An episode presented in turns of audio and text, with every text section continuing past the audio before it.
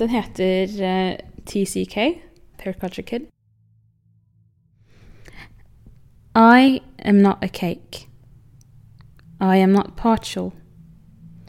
I am not different pieces becoming one whole.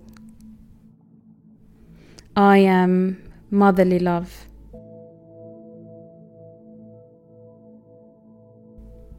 The kind of love that duplicates for each child that is born. I am a family home. The kind of home that would make any stranger feel welcome. I am the carrier of untold stories. I am a living memory. I am many wholes holding each other's hands. Because I am a representation of the new tomorrow. I denne serien snakker fire unge lovende norskafrikanere rett fra hjertet om identitet. Jeg er notorisk dårlig på å snakke kebabnorsk. Hvorfor har du så stor nese? Hvorfor er den så flat? Jeg har ikke den fargen jeg bærer på. Jeg var litt av veldig mye, men aldri nok av Finne noe. ut av identiteten gjennom Alle humor. finner sin måte å være norsk på. Så hvis det er noen der ute som føler det samme, så Begynner å lure til slutt på Hvor er det jeg hører hjemme, da?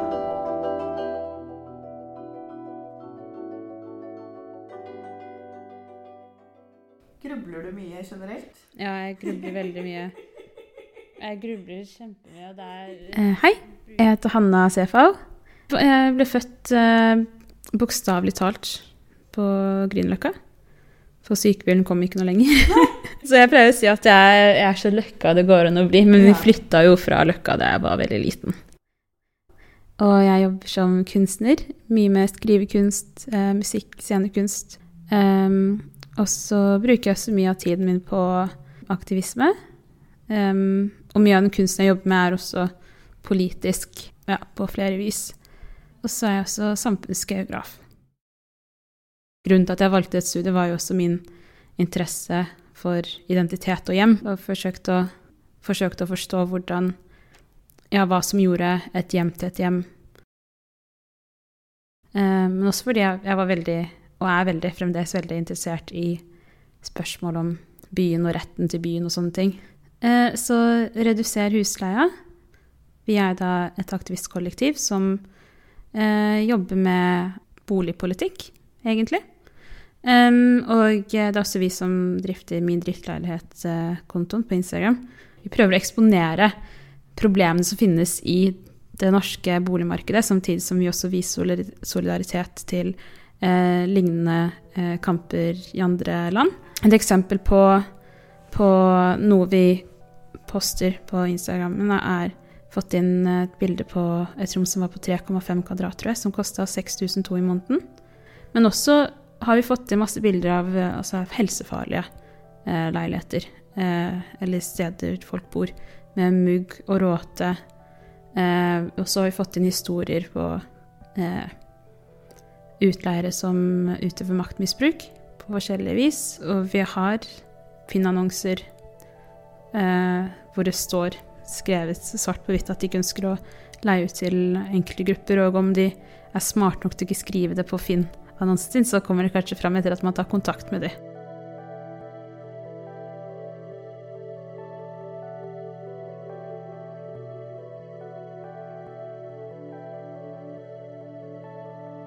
Rett etter at eh, lockdown ble en realitet, eh, 12. mars i, ja, i fjor, 2020, eh, så ble det veldig tydelig om hvem, var, hvem eh, som var forventet å delta i dugnaden. Og hvem det ikke var forventet av. Så jeg startet et opprop og jeg skrev sånt, sammen med andre kamerater brev som folk kunne sende ut til sine utleiere. Så, og hvor vi rett og slett bare ba om å, at eh, permitterte eh, skulle få lov til å få redusert husleie til den økonomiske situasjonen var litt mer forutsigbar og trygg. Eh, og så ble det til liksom Instagram og, eh, og masse kronikker og masse intervjuer og eh, Jeg tror det traff en nerve, og det tror jeg bare handler om at som veldig mange andre saker så, så ble det bare ytterligere eksponert under eh, pandemien. Noe av det fineste jeg syns vi har fått til, er at vi har klart å få mange til å forstå at, at de ikke er aleine i det. Det er veldig mange som tenker at det er deres feil at de har endt opp med å bo på et kjipt sted, eller et farlig sted.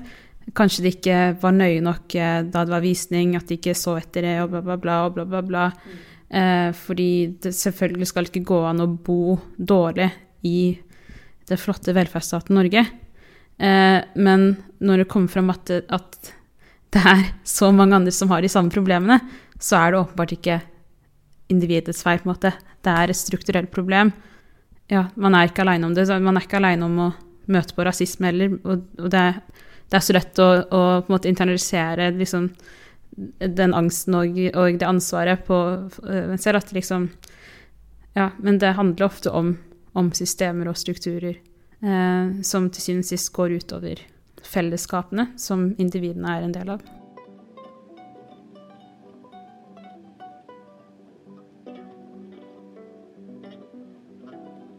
Eh, når du sier Eritrea, så tenker jeg familie, hjem, og så tenker jeg kamp, eh, motstand. Tenker mat. Vi har god mat. og vi har injera, og så har vi kitcha. Kitcha, det er på en måte Det er et eh, flatt brød, men det er liksom eh, et litt tykt flatt brød som man bare steker på en panne. Så det blir sånn crispy utepå. Og hvis man steker det akkurat litt for lenge, så blir det litt brent på noen spots, men ikke overalt. Og så har vi en sånn skikkelig digg frokostrett som heter kitchafitfut. Hvor man da eh, river liksom dette brødet og blander det med desmi, som er fordi smør i Eritrea har selvfølgelig også krydder i seg. Så desmi er klarnet smør med forskjellige typer krydder. Alt har krydder. eh, mamma og pappa kom hver for seg. De traff hverandre i Oslo. De kom da på slutten av 80-tallet hver for seg. Jeg tror det var ett år mellom da de kom. Og de kom jo på grunn av eh, frigjøringskrigen, som varte eh, veldig lenge i år. Vi, had, vi har jo frigjøringsdag, eller nasjonaldag som det også heter, den 24. mai, bare en uke etter 17. mai. Eh, og da feiret vi 30 år med, som et fritt land. Eh, og det slo meg at vi hadde vært et fritt land like lenge som den siste frigjøringskrigen varte. Eritrea var en del av det osmanske riket den gang da. Eh, og så ble det okkupert av Italia.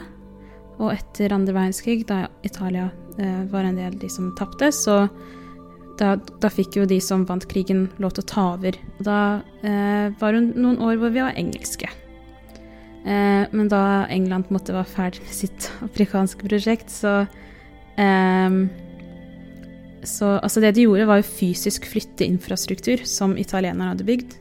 Typ sånn tog og taubaner og liksom fysisk flytte til de koloniene som de satset på, som var eh, på den tida India. Eh, og så gikk de til det nyoppretta FN og sa at eh, nå er vi litt ferdige. Og FN stemte da for, med bl.a. Norge, som satt i Sikkerhetsrådet i den perioden, eh, å på en måte gi Eritrea til Etiopia. Nå forenkler jeg historien veldig. Da ble på en måte Eritrea en form for stat, ja, men en del av Etiopia. På et tidspunkt så bare bestemte Etiopia seg for at det skulle bli helt etiopisk, da. Og eh, det var det motstand mot. Det ble 30 år med krig. Og, eh, og det eh, skal jo si, jeg har jo også etiopisk familie. Mamma er halvt etiopisk. Morfar han havnet i en sånn clinch med noen av disse kolonistene back in the days, og så måtte han bare rømme litt eh, til, til Etiopia, som var på en måte safe, fordi det var ikke kolonisert. Og så møtte han eh, mormor, og så fikk de mamma, og så dro de tilbake til Eritrea etter det. Men mamma har jo da ikke vært i sitt fødeland ever.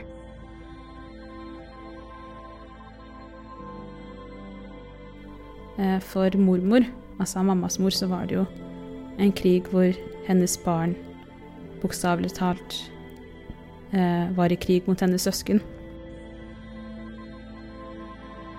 Litt som eh, altså Irland og sånt, altså da det var krig altså det, Fordi Etiopia og Eritrea historisk også er geografisk og historisk og på veldig mange måter er, er tilknyttet hverandre. Og, og kulturen vår og maten vår og klærne våre Altså, vi er søsken. Så, det, så det, da, da var krigen var en ekstremt stor påkjenning. Til og med telefonlinjene mellom landene var jo stengt. Altså, det var det, det var null kommunikasjon. Det var en svært marxistisk og eh, Altså eh, en veldig sånn Veldig sosialistisk og marxistisk frigjøringsbevegelse i, i landet. Hver tredje soldat var kvinne. Og man leser liksom de eh, fanzinene og sånt som de skrev på den tida, fra 70-80-tallet, så er det sånn Damn! Forut sin tid, liksom. Men samtidig ikke, fordi det, var så svært, det er svært mange bevegelser som, som, eh, og frigjøringsbevegelser i hele Afrika som har grobunn i nettopp det solidariske og, og antikolonialistiske, selvfølgelig, og antikapitalistiske men som er blitt veldig glemt. Det handler mye om hvem som får lov til å fortelle historien. Eh, og hvordan også de afrikanske landene har på mange måter måttet eksistere på andres premisser. Men eh, det tenker jeg er viktig å ha med seg på en måte hvor revolusjonære eh, frigjørende, i, fra kontinentet vårt egentlig var.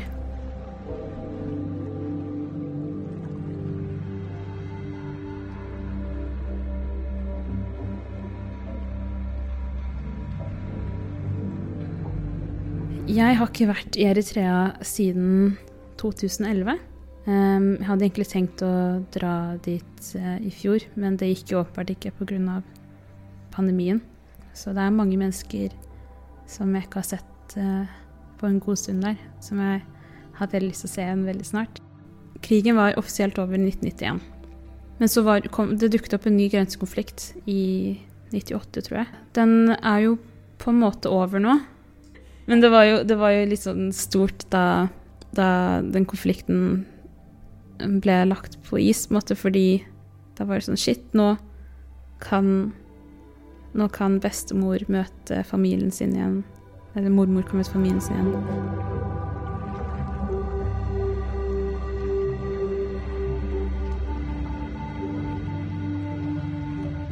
Så jeg har jo vokst opp med krigen i hjemmet. Fordi jeg har hatt eh, svært mange nære familiemedlemmer som, vært, som, var direkte involvert i krigen, så har jeg på mange måter også vokst opp med den krigen i hjemmet, og som en del av hverdagen min. Og det, og det tenker jeg er Det er noe av det jeg også forsøker å forstå i meg selv også, på en måte. De forventningene jeg har til et av landene mine. Jeg, Altså, jeg ser på Eritrea som eh, Jeg ser på meg selv som like eritreisk som norsk, på en måte de forventningene jeg har, krasjer noen ganger med den stoltheten jeg bærer av å være fra et land som på en måte har måttet tåle så mye motstand. Når jeg på en måte ser hvor revolusjonerende på en måte, eh, den kampen var, og så ser jeg kanskje litt på, på hva det er nå, så er det en, det er en avstand, på en måte. Og men samtidig så er jeg fullt klar over at det tar tid. Ting tar tid. Eh, hvor mange år tok det ikke før liksom arbeiderklassen og kvinner fikk stemmerett i Norge? Hvor lang tid tok det ikke før skeive par fikk lov til å gifte seg i Norge? Før det i det hele tatt ble ikke var kriminelt lenger, eller ikke ble sett på som en sykdom å være skeiv. Så ting, ting tar tid, og det vet jeg. Men samtidig så Ja, jeg syns det er litt vanskelig.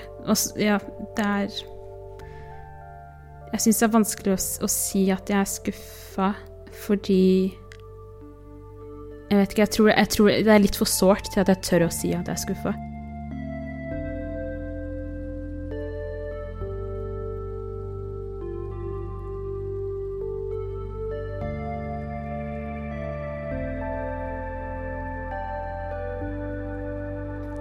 Vi flytta da jeg var fem år gammel, til eh, Groruddalen, til Bjerke.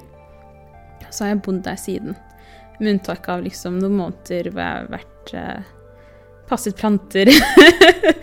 og eh, altså, jeg har vært på utveksling også. Det, det var i Nord-England, i Newcastle.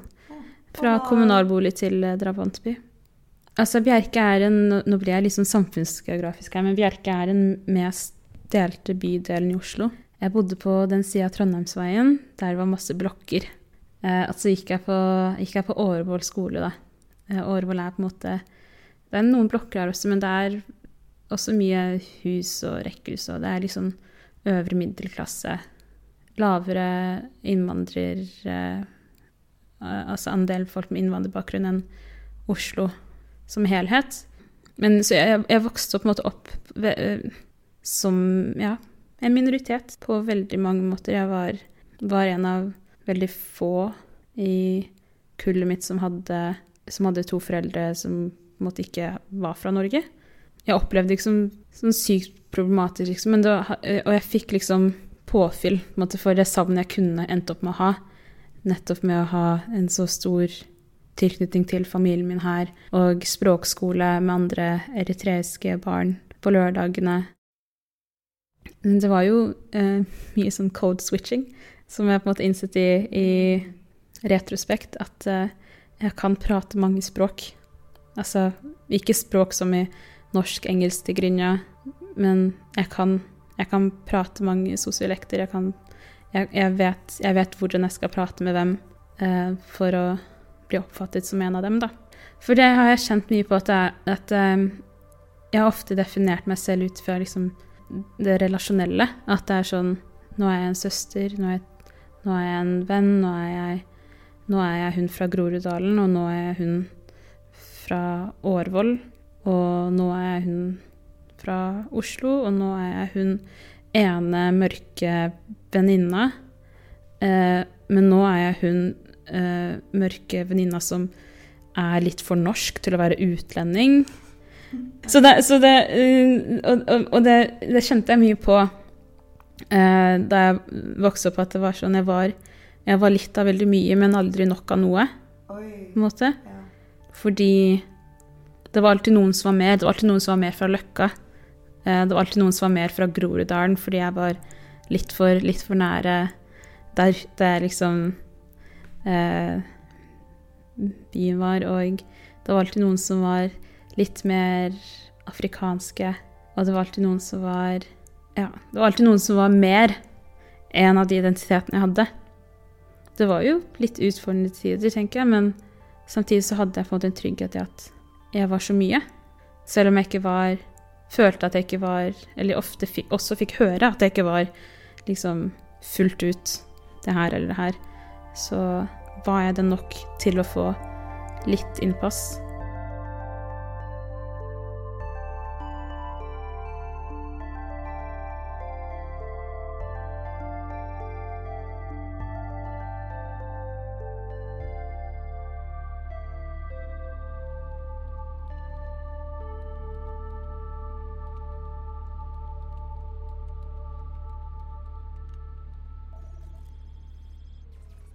Altså, det var en kronikk jeg skrev da jeg var tenåring fremdeles. Når jeg da på en måte sa at jeg var globalt hjemløs, handlet det om at jeg aldri kom til å bli sett på som eritreisk nok, men samtidig ikke som norsk nok. Om jeg ikke var nok av disse to stedene som på mange måter er veldig definerende for hvem jeg er. Ja, og jeg tror det er veldig mange som som på en måte kjenner på, på det, spesielt liksom i den alderen, at, uh, at man ikke hører til noe sted. Hvor er det jeg hører hjemme da? Man ser jo det veldig sånn rekrutterende miljøer at det er, det er ofte det som blir brukt da, for, å, for, å få med, for å få med seg unge, at uh, vi kan være et hjem for deg om du gjør dette og dette og dette. Uh, men så har jeg også vært heldig nok til å ha viktige arenaer som har vært tilgjengelige for meg, som har, som har gitt meg litt som fotfeste. Um, og jeg har hatt tilgang til aktiviteter som har, som har føltes som hjemme. Og det, og det har også ofte vært sånn jeg har tenkt på når jeg har jo noen i familien som, er, som har en norsk forelder og en eritreisk forelder, f.eks. For og, Sånn, hva betyr det egentlig om man sier at man er halvt norsk og halvt eritreisk? Jeg vet hva det betyr, jeg vet hva det betyr, men, men, men det legger på en måte også opp til at man er, man er litt.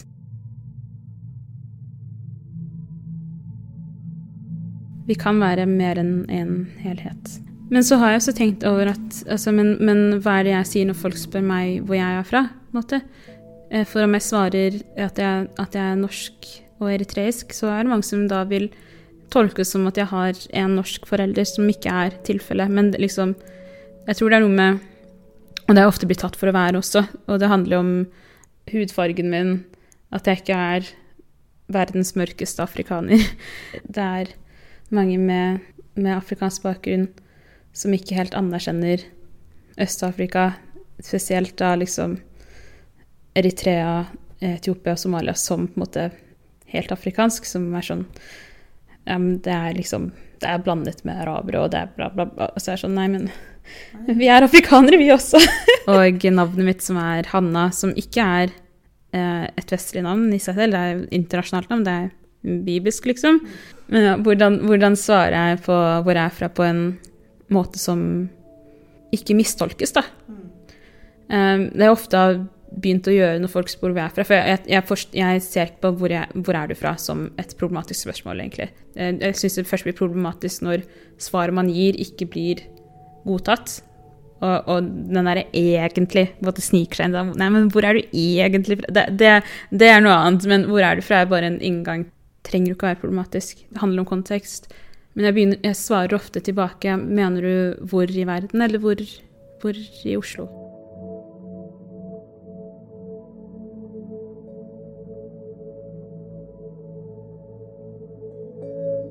føler meg veldig eh, oslosk. Veldig eritreisk. Og afrikansk. Det føler jeg meg også. Litt mindre europeisk enn afrikansk, kanskje. Jeg tror kanskje det er noe med den altså europeisk at det er, det er noe veldig sånn EU ved det. Nei, men jeg tror, jeg tror det, er nok, det er nok fordi jeg identifiserer meg mer med den afrikanske identiteten.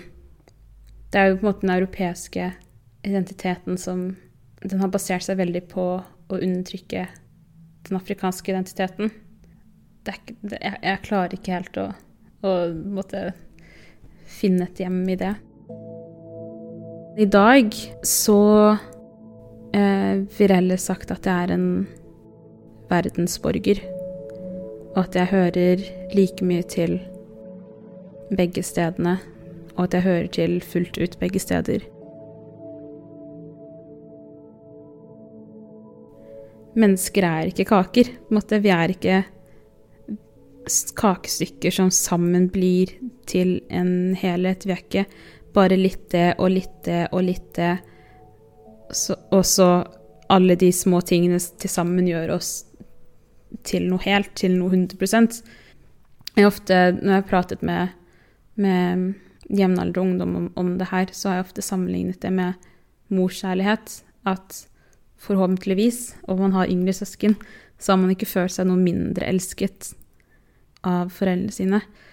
Jeg tenker at identitet som morskjærlighet bare Det trenger ikke å begrenses, det blir bare mer og større.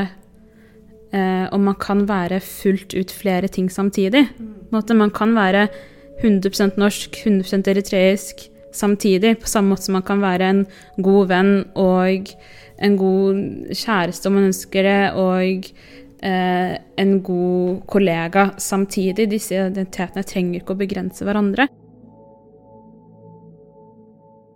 Jeg er alt jeg ønsker å være, eh, og jeg kan være tingene fullt ut uten at de begrenser hverandre. Så vet jeg at det er noen som på en måte er uenige, men da får de bare være der. Det er min opplevelse av meg selv påvirker min hverdag mye mer enn deres opplevelse av meg, framfor å ha en approach som at man er globalt hjemløs, og ha en approach som at man, man hører hjemme flere steder.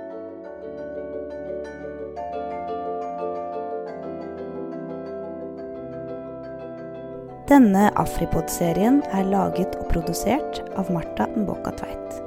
Afripod er podkasten til nettmagasinet afrika.no for bedre samtaler om Afrika i Norge. Tusen takk til alle som stilte opp og har delt av seg selv. Intro- og utromusikken er en komposisjon av Mark Mellis og brukt med hans tillatelse. Resten av lyden er hentet fra freesound.org. Sjekk ut afrika.no for flere podkastepisoder og artikler. Takk for at du hørte på.